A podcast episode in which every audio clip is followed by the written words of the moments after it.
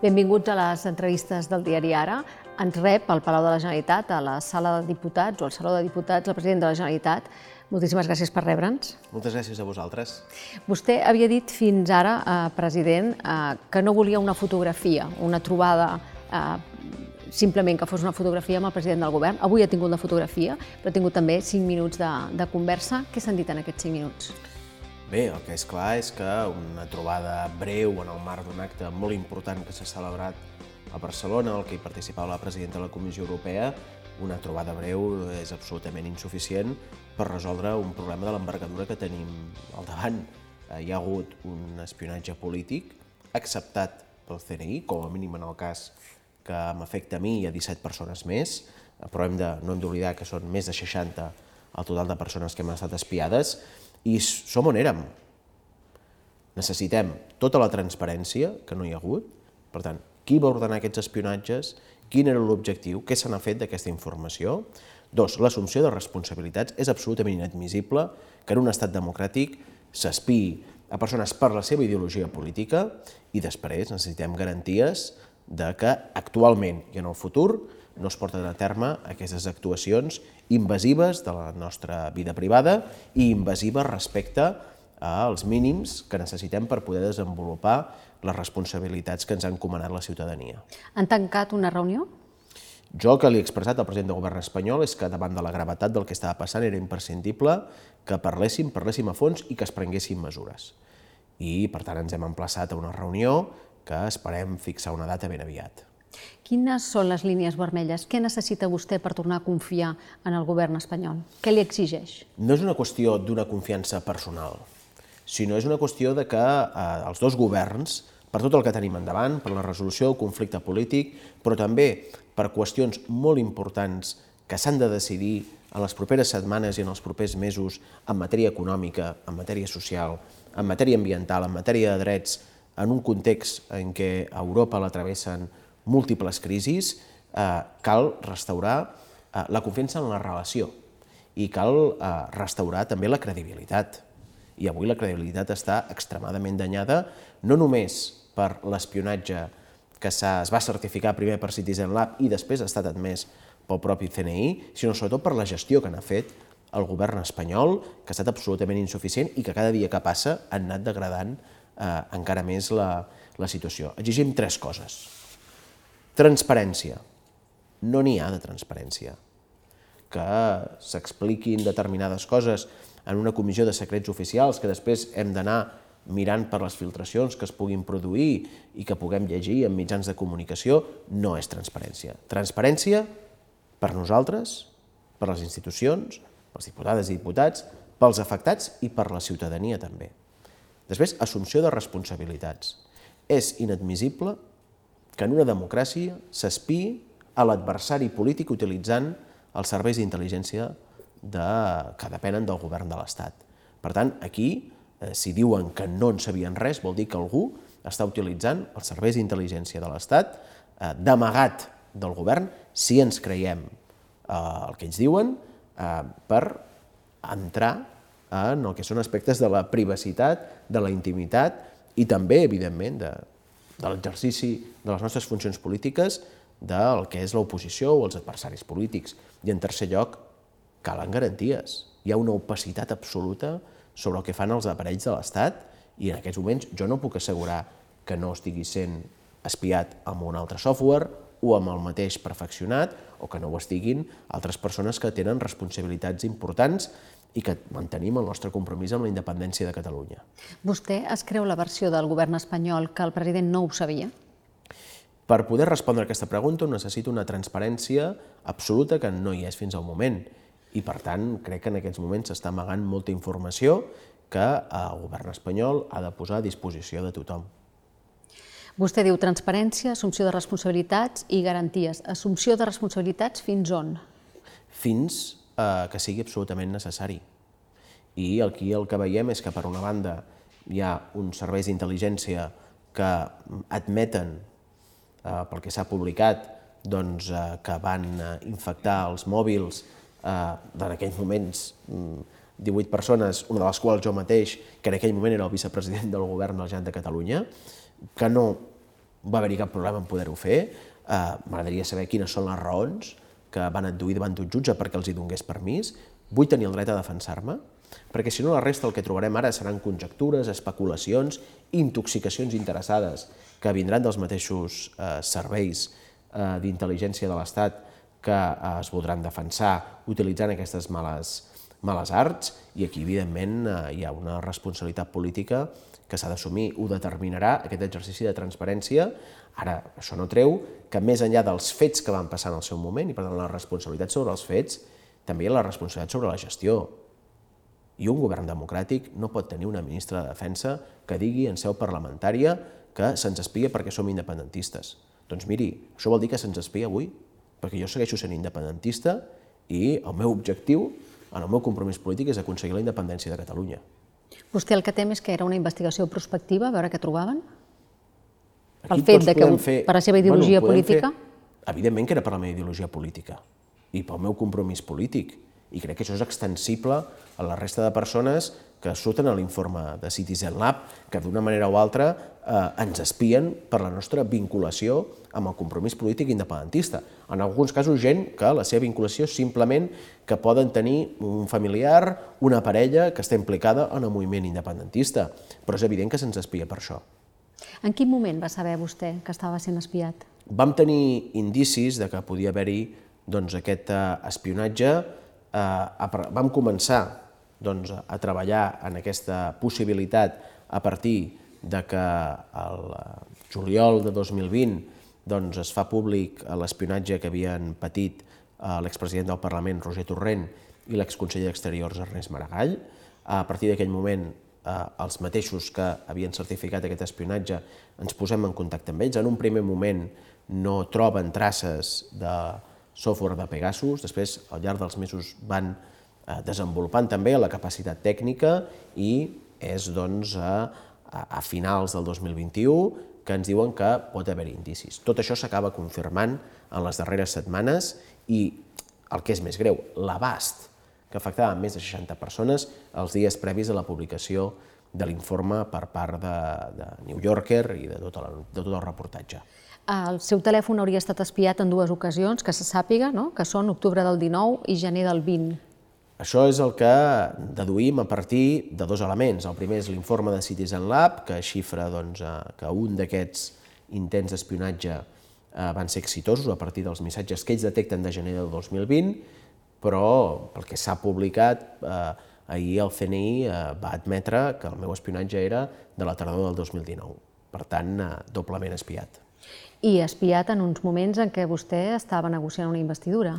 En uns moments en què hi havia unes eleccions, en què jo era el màxim responsable polític d'Esquerra Republicana, formació política es va presentar a les eleccions, les va guanyar a Catalunya i va començar unes negociacions, i era el màxim responsable polític perquè Oriol Junqueras encara estava empresonat i Marta Rovira, com malauradament ara, doncs, eh, està a l'exili, eh, i per tant eh, també és en un període electoral. És a dir, també hi ha un espionatge a una formació política, que és la que guanya les eleccions a Catalunya, en les eleccions eh, generals del 2019 i es fa en període electoral i després continua durant la negociació de la investidura. Per tant, no sabem quina informació tenen, però eh, amb un software que és capaç d'engegar la càmera, engegar els micros, accedir a la informació, és evident que es va obtenir, o hi havia la capacitat d'obtenir, la informació relativa també a una negociació d'investidura. Quan el govern espanyol explica eh, que el president del govern espanyol també ha estat espiat i alguns dels seus ministres, i això es vincula eh, extraoficialment eh, amb el Marroc, això és per, per convertir el cas del Catalan Gate en el cas Pegasus? Si aquesta era la intenció que podia haver-hi, és evident que han fracassat. Perquè al final aquí hi ha una constatació clara. 65 persones hem estat espiats per la nostra vinculació amb l'independentisme. Després pot haver-hi altres casos que doncs, eh, ja resoldran i ja explicaran, però mm, si es pensaven que eh, intentant igualar la condició de víctimes d'espionatge es podrien deixar d'eludir responsabilitats, d'actuar amb la transparència i d'establir garanties clares de que els serveis d'intel·ligència de l'estat espanyol no van en contra dels qui defensem una altra opció política que en aquests moments defensa el govern de l'Estat, si el que pretenien era que despistar el personal, és evident que han fracassat. I la gestió que ha fet el govern espanyol des del primer dia que va sortir publicat l'informe a New Yorker ha estat eh, un desastre absolut. Cada pas que ha fet ha anat degradant la relació entre governs i, per tant, és evident que és imprescindible un punt d'inflexió. I si no es produeix aquest punt d'inflexió, serà responsabilitat del govern espanyol doncs, haver fet impossible un camí que havíem iniciat ara fa un any i que, per part nostra, eh, tenia tota la voluntat de resoldre el conflicte polític amb l'Estat. El nostre compromís amb una sortida negociada al conflicte, amb defensar en el marc d'aquesta sortida negociada un referèndum sobre la independència de Catalunya i una amnistia per acabar amb la, amb la repressió, és un compromís granític. El defensem, però no depèn només de nosaltres. Depèn també que l'altra part tingui una actitud, tingui un compromís, tingui, doncs, eh, evidentment, una, una voluntat clara d'avançar en la resolució d'aquest conflicte i això es demostra també amb com es gestiona quan surt a la llum un cas d'espionatge com aquest. Sent traïda la seva voluntat, el seu compromís pel diàleg? el meu compromís pel diàleg, per la negociació i perquè crec que és el millor camí per aconseguir la llibertat d'aquest país es manté inalterable. Ara, ja he dit abans, això no depèn només de mi, depèn també de l'altra part, no? I jo crec que l'altra part ha de restaurar aquesta confiança que ha quedat eh, destruïda i ha de restaurar també la credibilitat d'un procés de negociació d'aquestes característiques. I l'escepticisme de Junts per Catalunya s'ha vist reforçat? Bé, jo crec que hi ha posicions polítiques que ja tenien una opinió abans de que eh, es sabés aquest espionatge i que ara la mantenen. Per tant, crec que l'escepticisme que podien tenir algunes formacions ja hi era, ara es manté. La meva convicció absoluta de que només forçant l'Estat a una negociació. I això ha d'anar acompanyat d'una unitat política a Catalunya que encara tenim camí per construir. Això ha d'anar acompanyat d'una mobilització de la ciutat catalana que comença a caminar i la mostra és els passos que està començant a fer l'acord social per l'amnistia i l'autodeterminació. Um, evidentment ha d'anar acompanyat per això, però el meu compromís en aquesta sortida uh, negociada crec que és el camí. Però això no depèn només de mi, eh, sempre hem dit que a l'Estat se'l força a negociar i per tant crec que en aquests moments com l'actual ens carreguem de raons per eh, forçar l'Estat a negociar. Les taules de negociació internacionals, les serioses, acostumen a tenir un mètode, uns facilitadors, uns compromisos, però també tenen alts i baixos. En aquest moment, vostè dona la taula per morta, per congelada? Nosaltres el que diem és que precisament per continuar, perquè es puguin produir acords, perquè es pugui avançar, eh, necessitem restaurar una confiança mínima entre les parts eh, i restaurar la credibilitat també d'aquest procés. A tots els elements que ha dit vostè, dels processos de negociació a nivell internacional, n'hi ha un altre, que és la discreció, que també hi és. I la discreció moltes vegades és difícil ser alhora mm-hmm. discret i explicar, generar confiança, credibilitat a la teva ciutadania de que s'està avançant en aquesta negociació però crec que és absolutament imprescindible que es restauri aquesta confiança mínima eh, perquè tu pots ser una taula però no arribar a cap acord i per tant eh, el que és imprescindible, si volem arribar a acord, si volem avançar, és que es restauri aquesta confiança i aquesta credibilitat. Han anat passant els mesos i de fet hi ha hagut molts pocs acords en aquesta taula i hi havia d'haver reunions que no s'han produït. Vol dir que és discreció o vol dir que és que realment els resultats han estat més magres del que vostè volia? La interlocució s'ha mantingut sempre en tot moment, eh, fins i tot en els moments més complicats. Però crec que és evident que el govern espanyol ha anat arrossegant els peus en aquest procés de negociació. I aquí probablement la part catalana també tenim deures a fer, que és enfortir la nostra posició, fer molta més pinya i fer molta més unitat en defensar l'amnistia i l'autodeterminació a tot arreu. Defensar-la a l'exterior, defensar-la a nivell social, a nivell de mobilització i també davant del teu adversari en una taula de negociació. Si Junts per Cat hagués entrat a la taula de negociació, hauria estat diferent? Crec que de ben segur que el resultat hagués estat diferent. No sé quin seria. Uh, evidentment, l'espionatge es va produir abans dels inicis de la negociació que vam reprendre uh, ara fa un any. Uh, I, per tant, ens podríem trobar que la reacció del govern espanyol hagués estat la mateixa.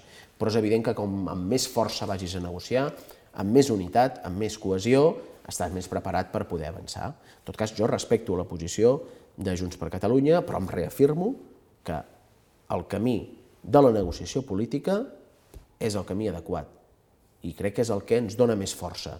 I és el que ens permet ser absolutament exigents amb un govern espanyol que en aquests moments no està a l'alçada, que ha reduït la confiança a zero i que és evident que amb la gestió de tot l'assumpte eh, del Catalan Gate que està fent, eh, està demostrant que per part seva mm, aquest eh, procés de negociació i la situació a Catalunya doncs, eh, no hi tenen cap mena de compromís. Per tant, és imprescindible aquest punt d'inflexió.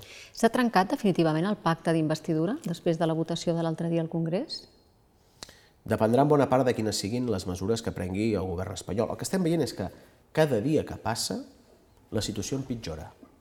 Per tant, si volen restaurar els acords d'investidura, és imprescindible que aquestes mesures de transparència, d'assumpció de responsabilitats i també doncs, de garanties de que en aquests moments no s'està produint espionatge, no s'està intervenint la nostra privacitat, no s'està actuant de forma no ja només deslleial, sinó de forma absolutament invasiva sobre la nostra vida, sobre les nostres organitzacions polítiques, sobre el nostre govern, les nostres institucions, és evident que és necessari aquest punt d'inflexió. Si no es produeix aquest, el que vostè anomena aquest punt d'inflexió, la legislatura per part de vostès està acabada? Serà molt difícil que pugui continuar en els mateixos termes. I aquest punt d'inflexió, més enllà de la reunió amb el president del govern, és l'assumpció de responsabilitats i la transparència de la qual ens parlava abans? El que és fonamental aquí és la transparència, assumpció de responsabilitat i quines són les garanties de present i de futur que es posen sobre la taula. Això es pot materialitzar en una reunió del president Sánchez amb mi? Sí, pot ser-ho. Eh, si tu has aconseguit la investidura eh, crec que estaria bé que davant seria absolutament, eh, vaja, seria el més normal, seria el que hagués fet jo, no?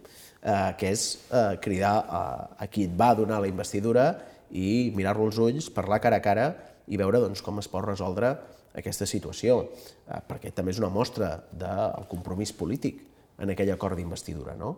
Eh, per tant, jo vull deixar molt clar que no, no busquem una foto amb el president Sánchez. Sí, una reunió per si sola no resol res. Ho resolen les mesures que s'adoptin, les mesures que s'acordin, les mesures en les que es comprometin. I això passa per la transparència, per l'assumpció de responsabilitats i per les garanties de no repetició. Vostè s'imagina una taula de negociació amb un govern del Partit Popular? La taula de negociació hauria de ser amb qualsevol govern de l'Estat. El que és una certesa és que eh, vaja, el, el Partit Popular i, i els seus eh, possibles socis eh, no només han aplaudit eh, amb les orelles el que ha estat aquest espionatge, sinó que diàriament al Parlament eh, els socis que té el Partit Popular en els darrers acords el que demanen directament és que ens posin a la presó. Per tant, és evident que la posició és diferent, però al final els fets acaben sent molt semblants i per això és imprescindible que el PSOE demostri que és diferent del Partit Popular. Vostè entén que hi ha una part de l'opinió pública i de l'opinió publicada que li sembla eh, excel·lent que vostè sigui, vostè o els independentistes amb responsabilitats eh, sobre els partits i sobre el carrer siguin espiats? De l'opinió pública catalana? No, espanyola. Bé, quan sembla que... Suposo que de l'opinió pública els... catalana també. Probablement una part molt petita si atenem els resultats de les últimes eleccions al Parlament de Catalunya. En tot cas, hem viscut empresonaments, s'han viscut exilis i es continuen vivint. Exilis molt dolorosos, que hem de tenir molt presents. Hi ha desenes de persones en causes judicials, en el jutjat 13, en el jutjat 18, el TCJ. Hi ha hagut embargament de béns de famílies. Hi ha hagut espionatge massiu. Per tant, quan es produeix aquest darrer episodi, l'espionatge massiu, una part de la societat espanyola que ha tolerat i aplaudit això, els que aplaudien la por ellos, evidentment que els hi deu semblar perfecte que ens espiïn. El que passa és que aquí es demostra el nivell de maduresa democràtica. Si en comptes de el govern de Catalunya fos el govern de qualsevol altre territori de l'Estat, ho trobarien eh, absolutament un escàndol. No?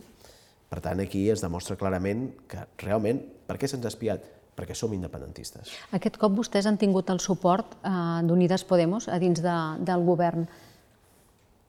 Quina és la seva, la seva opinió respecte a aquesta posició tan clara d'Unides de, Podemos, del soci de, de la legislatura de Pedro Sánchez?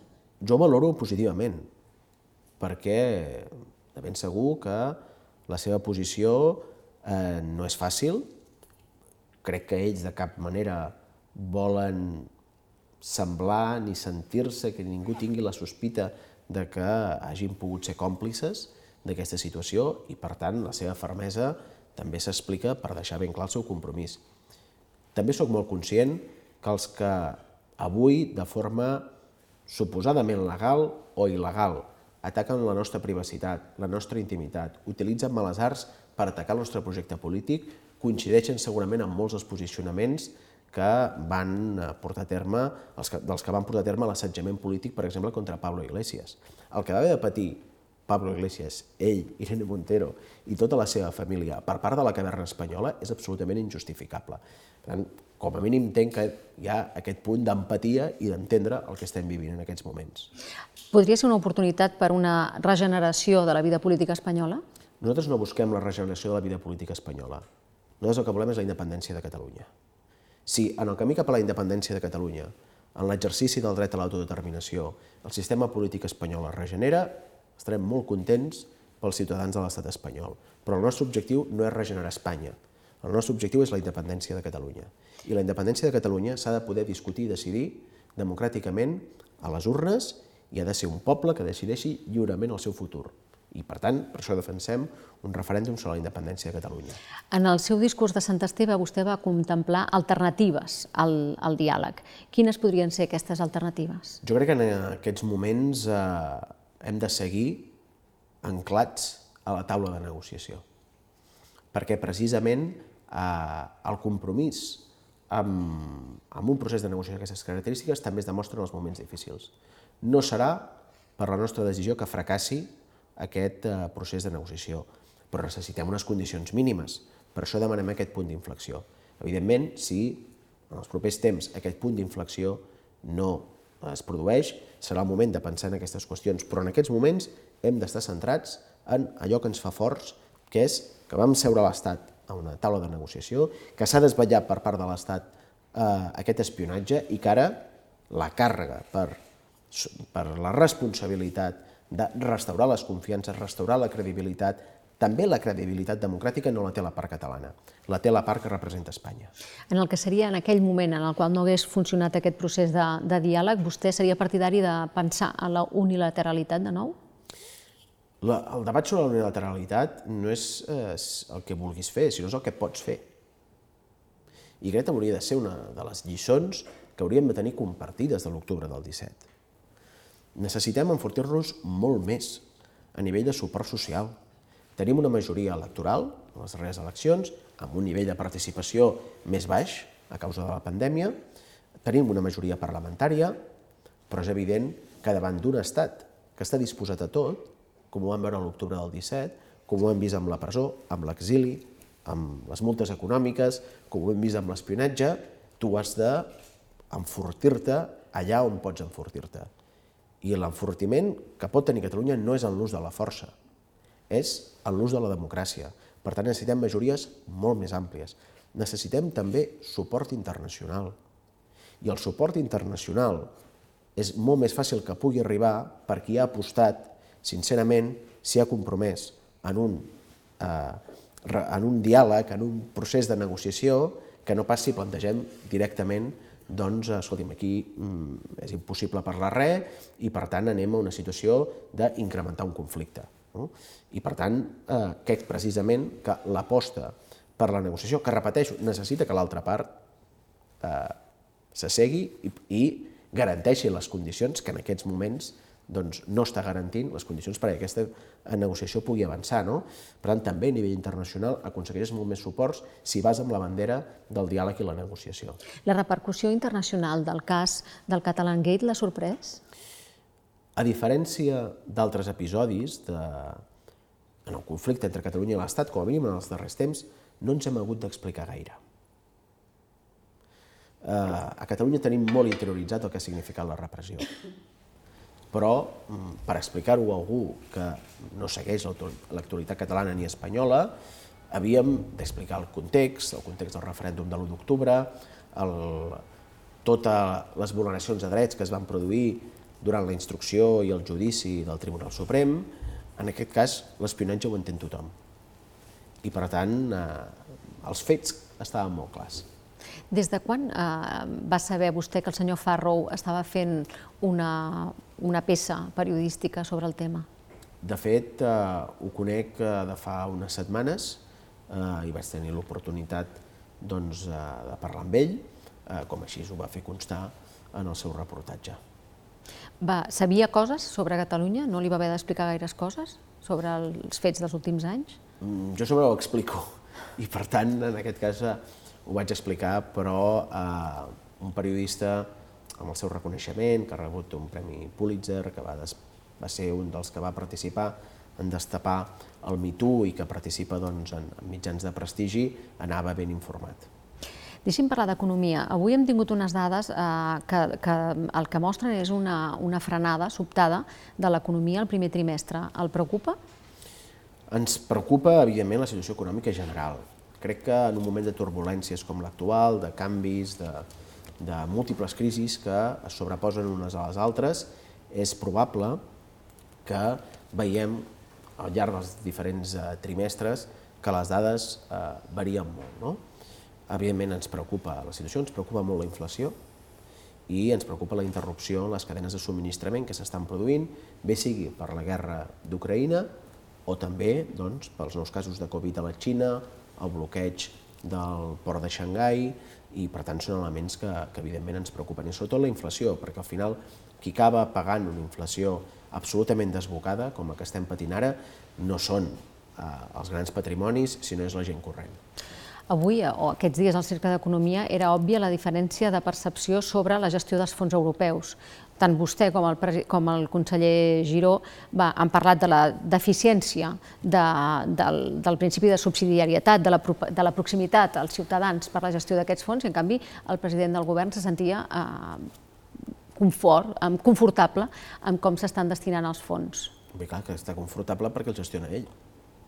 Però de moment el que constatem és que aquesta gestió dista molt del que seria exigible i que cal que s'enforteixin els eh, projectes que poden ser realment transformadors per l'economia catalana. Avui, un dels elements, eh, diguem, que, dels quals he sortit més satisfet de la intervenció de la presidenta de la Comissió Europea és que hem coincidit en el que són els reptes principals dels fons Next Generation a Catalunya. M'ha mencionat tota l'aposta per l'hidrogen, tota l'aposta de semiconductors eh, capitanejada pel Barcelona Supercomputing eh, Center, eh, entre d'altres, i per tant crec que és una mostra de que realment els projectes bons que s'estan elaborant des de Catalunya tenen el reconeixement europeu i que el problema és que entre Catalunya i la Comissió Europea hi ha un filtre que no actua adequadament, que és el govern espanyol. També ha parlat d'energia i vostè va reconèixer que en tema d'energies renovables Catalunya fa anys que no avança.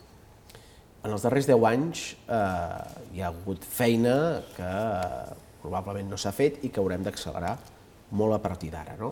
Amb una, i, I aquesta és una explicació multifactorial, sobretot perquè vam tenir durant molts anys un règim de renovables a l'Estat, una normativa de renovables a l'Estat, que penalitzava l'extensió de, de les energies renovables i sobretot el preu al qual es podia retribuir la viabilitat de el que són doncs, les instal·lacions de generació d'energia renovable. A diferència d'altres territoris, a Catalunya, el territori per orografia, per concentració de la població en el litoral i en determinades planes, eh, per la òbviament, el nivell de protecció dels espais naturals, els diferents usos que hi ha sobre, sobre el territori i sobretot la densitat de població molt més alta eh, fa que sigui molt més difícil poder tenir més consensos de on s'han d'ubicar els, els parcs d'energies renovables que tenen més impacte, que no pas en altres territoris on hi ha menys població, més terreny disponible, les condicions, diguem, geogràfiques, en aquest sentit, eh, més favorables. No? I aquest és un altre element d'explicació. Però des de que hem eh, aprovat la nova regulació, eh, el, a la tardor passada, hem aconseguit diverses coses. La primera és que els projectes tenen més participació social i comunitària.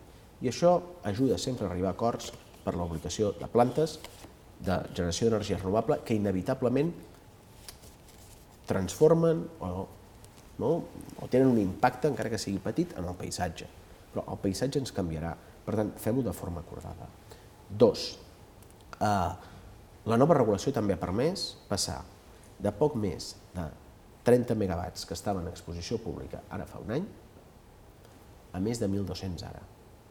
Per tant, l'increment ha estat espectacular. Hem doblat pràcticament el que és la producció d'autoconsum. Queda molt de camí per fer, moltíssim.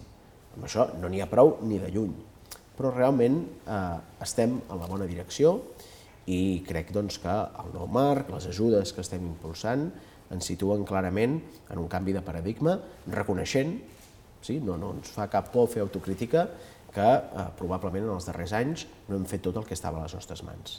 Els empresaris del Cercle li van demanar la represa de la negociació de l'aeroport. I està d'acord? El que els vaig traslladar és que, més enllà de la dimensió d'una infraestructura, el que és rellevant és què en fas amb aquesta infraestructura.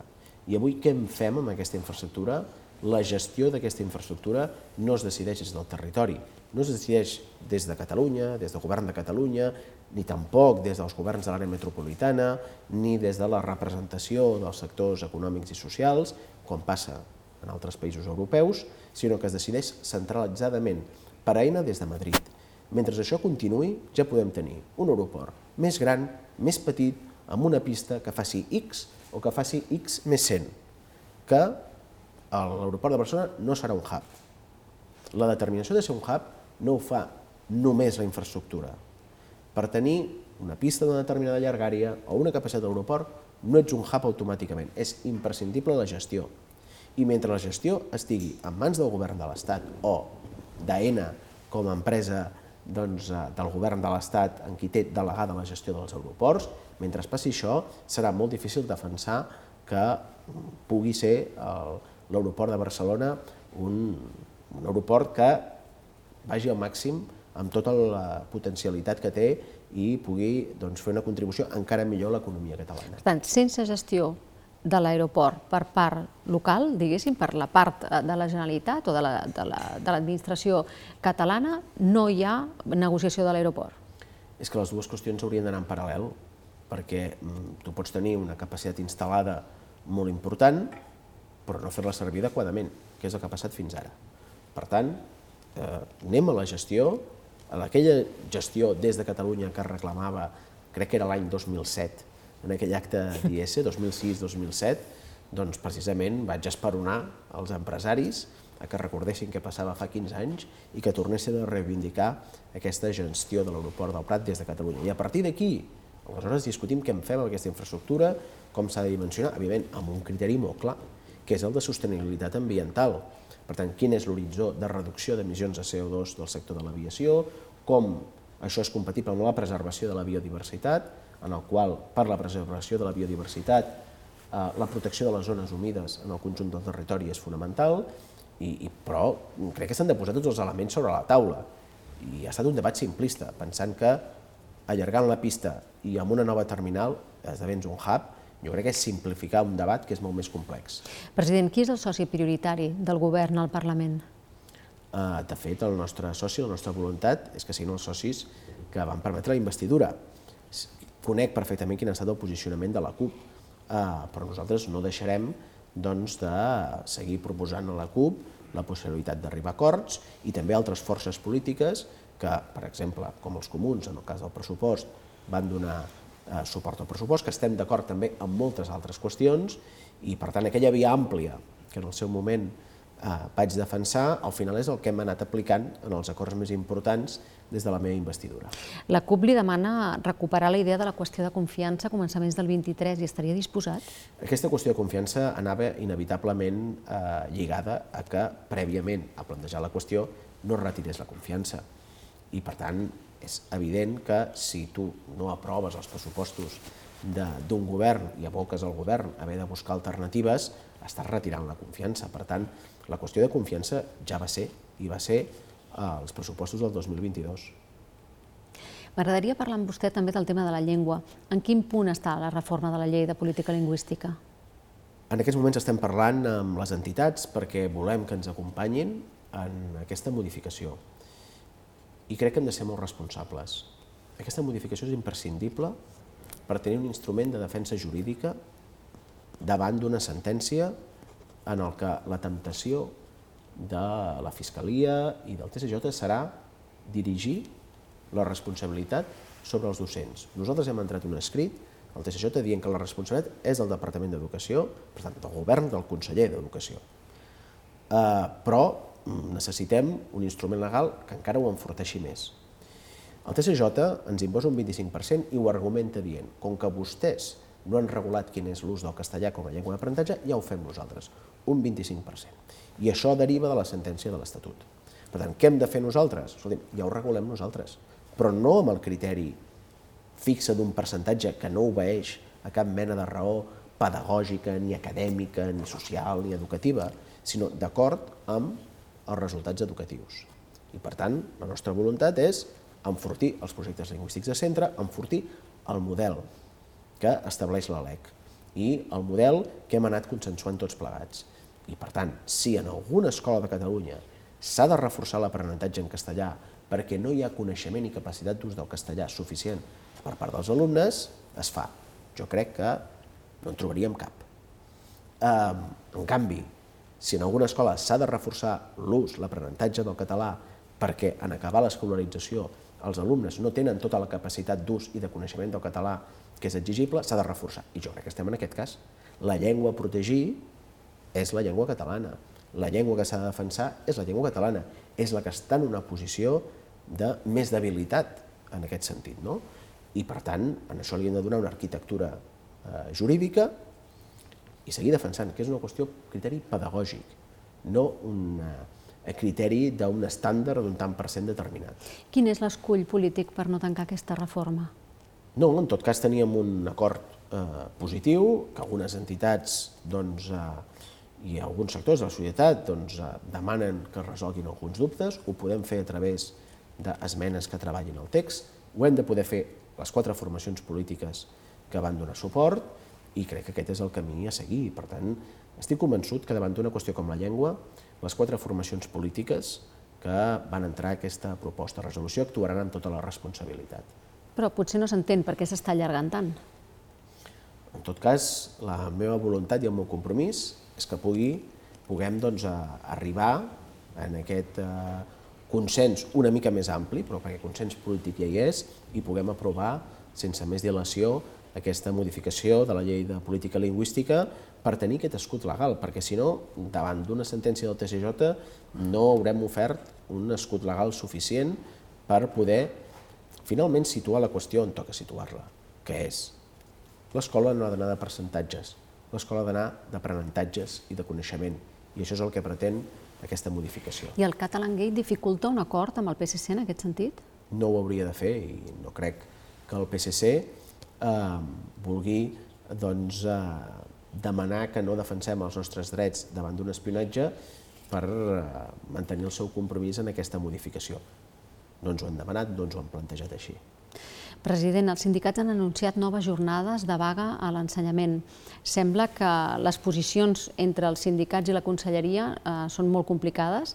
Està trencat en aquest moment la, la col·laboració que hi ha hagut molt tradicionalment, en, en molts moments en, la, en el país, eh, per, per treballar en el, en el sistema d'educació? Al final, tots compartim un objectiu que és millorar l'educació del país. El govern hi estem plenament compromesos i en tenim moltes mostres. Avui, el nombre de docents de l'escola pública és el més alt de la història. Al proper curs començarem rebaixant les ràtios a P3 a 20 alumnes, una reivindicació històrica. I aquests 20 alumnes, per, per aula, el curs que ve, el curs següent, seran a P4. I per tant, si anem mantenint això, acabarem en els propers anys amb una reducció de ràtios del conjunt del sistema. L'I2 serà gratuït i aquest és un pas importantíssim en termes d'equitat seguint desplegant l'escola inclusiva. Ara ja, sobre la taula, avancem al calendari escolar, que és absolutament una mesura eh, bona per l'equitat, és una mesura bona per l'aprenentatge. A partir d'aquí, hi ha unes reivindicacions laborals legítimes que plantegen doncs, algunes de les condicions que hi havia hagut fa uns anys, recuperar-les. Nosaltres no ens hem tancat aquesta recuperació, el que diem és això s'ha de fer amb un calendari que permeti que sigui assumible, un, tècnicament, si s'ha de reduir una hora lectiva de les que fa cada docent a l'aula, vol dir que hem de contractar 1.400 professors en el conjunt del sistema. I per tant que s'han d'adaptar les plantilles. Això no es pot fer dos mesos abans. Per tant, hi havia un decret de plantilles, una, un decret de plantilles, hi havia la determinació de les plantilles que havia de sortir doncs, per permetre tota l'organització del proper curs a, a, a finals d'abril, perquè a 1 de maig ja estigués disponible, i aquesta era una data molt important. Els sindicats eh, docents han decidit no participar a les meses sectorials. És la seva decisió. La respecto. Però és difícil fer una negociació si no ens seiem tots en una taula. Ja ho sé que discrepen del nostre posicionament. Potser hi ha coses en les que serà molt difícil que ens posem d'acord, però crec que l'educació dels infants i joves de Catalunya mereix que ens seiem en una taula. I crec que nosaltres hem donat mostres de que hem anat posant propostes diferents sobre la taula. Evidentment, no és el 100% del que volen, però és molt difícil esperar que puguis tenir-ho tot el que vols i que ho puguis tenir ara. S'hauria d'haver negociat abans d'anunciar alguns, algunes, algunes de les decisions de la Conselleria? Les decisions que afecten a les condicions laborals de mestres i de professors sempre es negocien abans. Hi ha decisions que són de política educativa, com l'I2 gratuït o com l'avançament del calendari escolar, que no modifiquen les condicions laborals.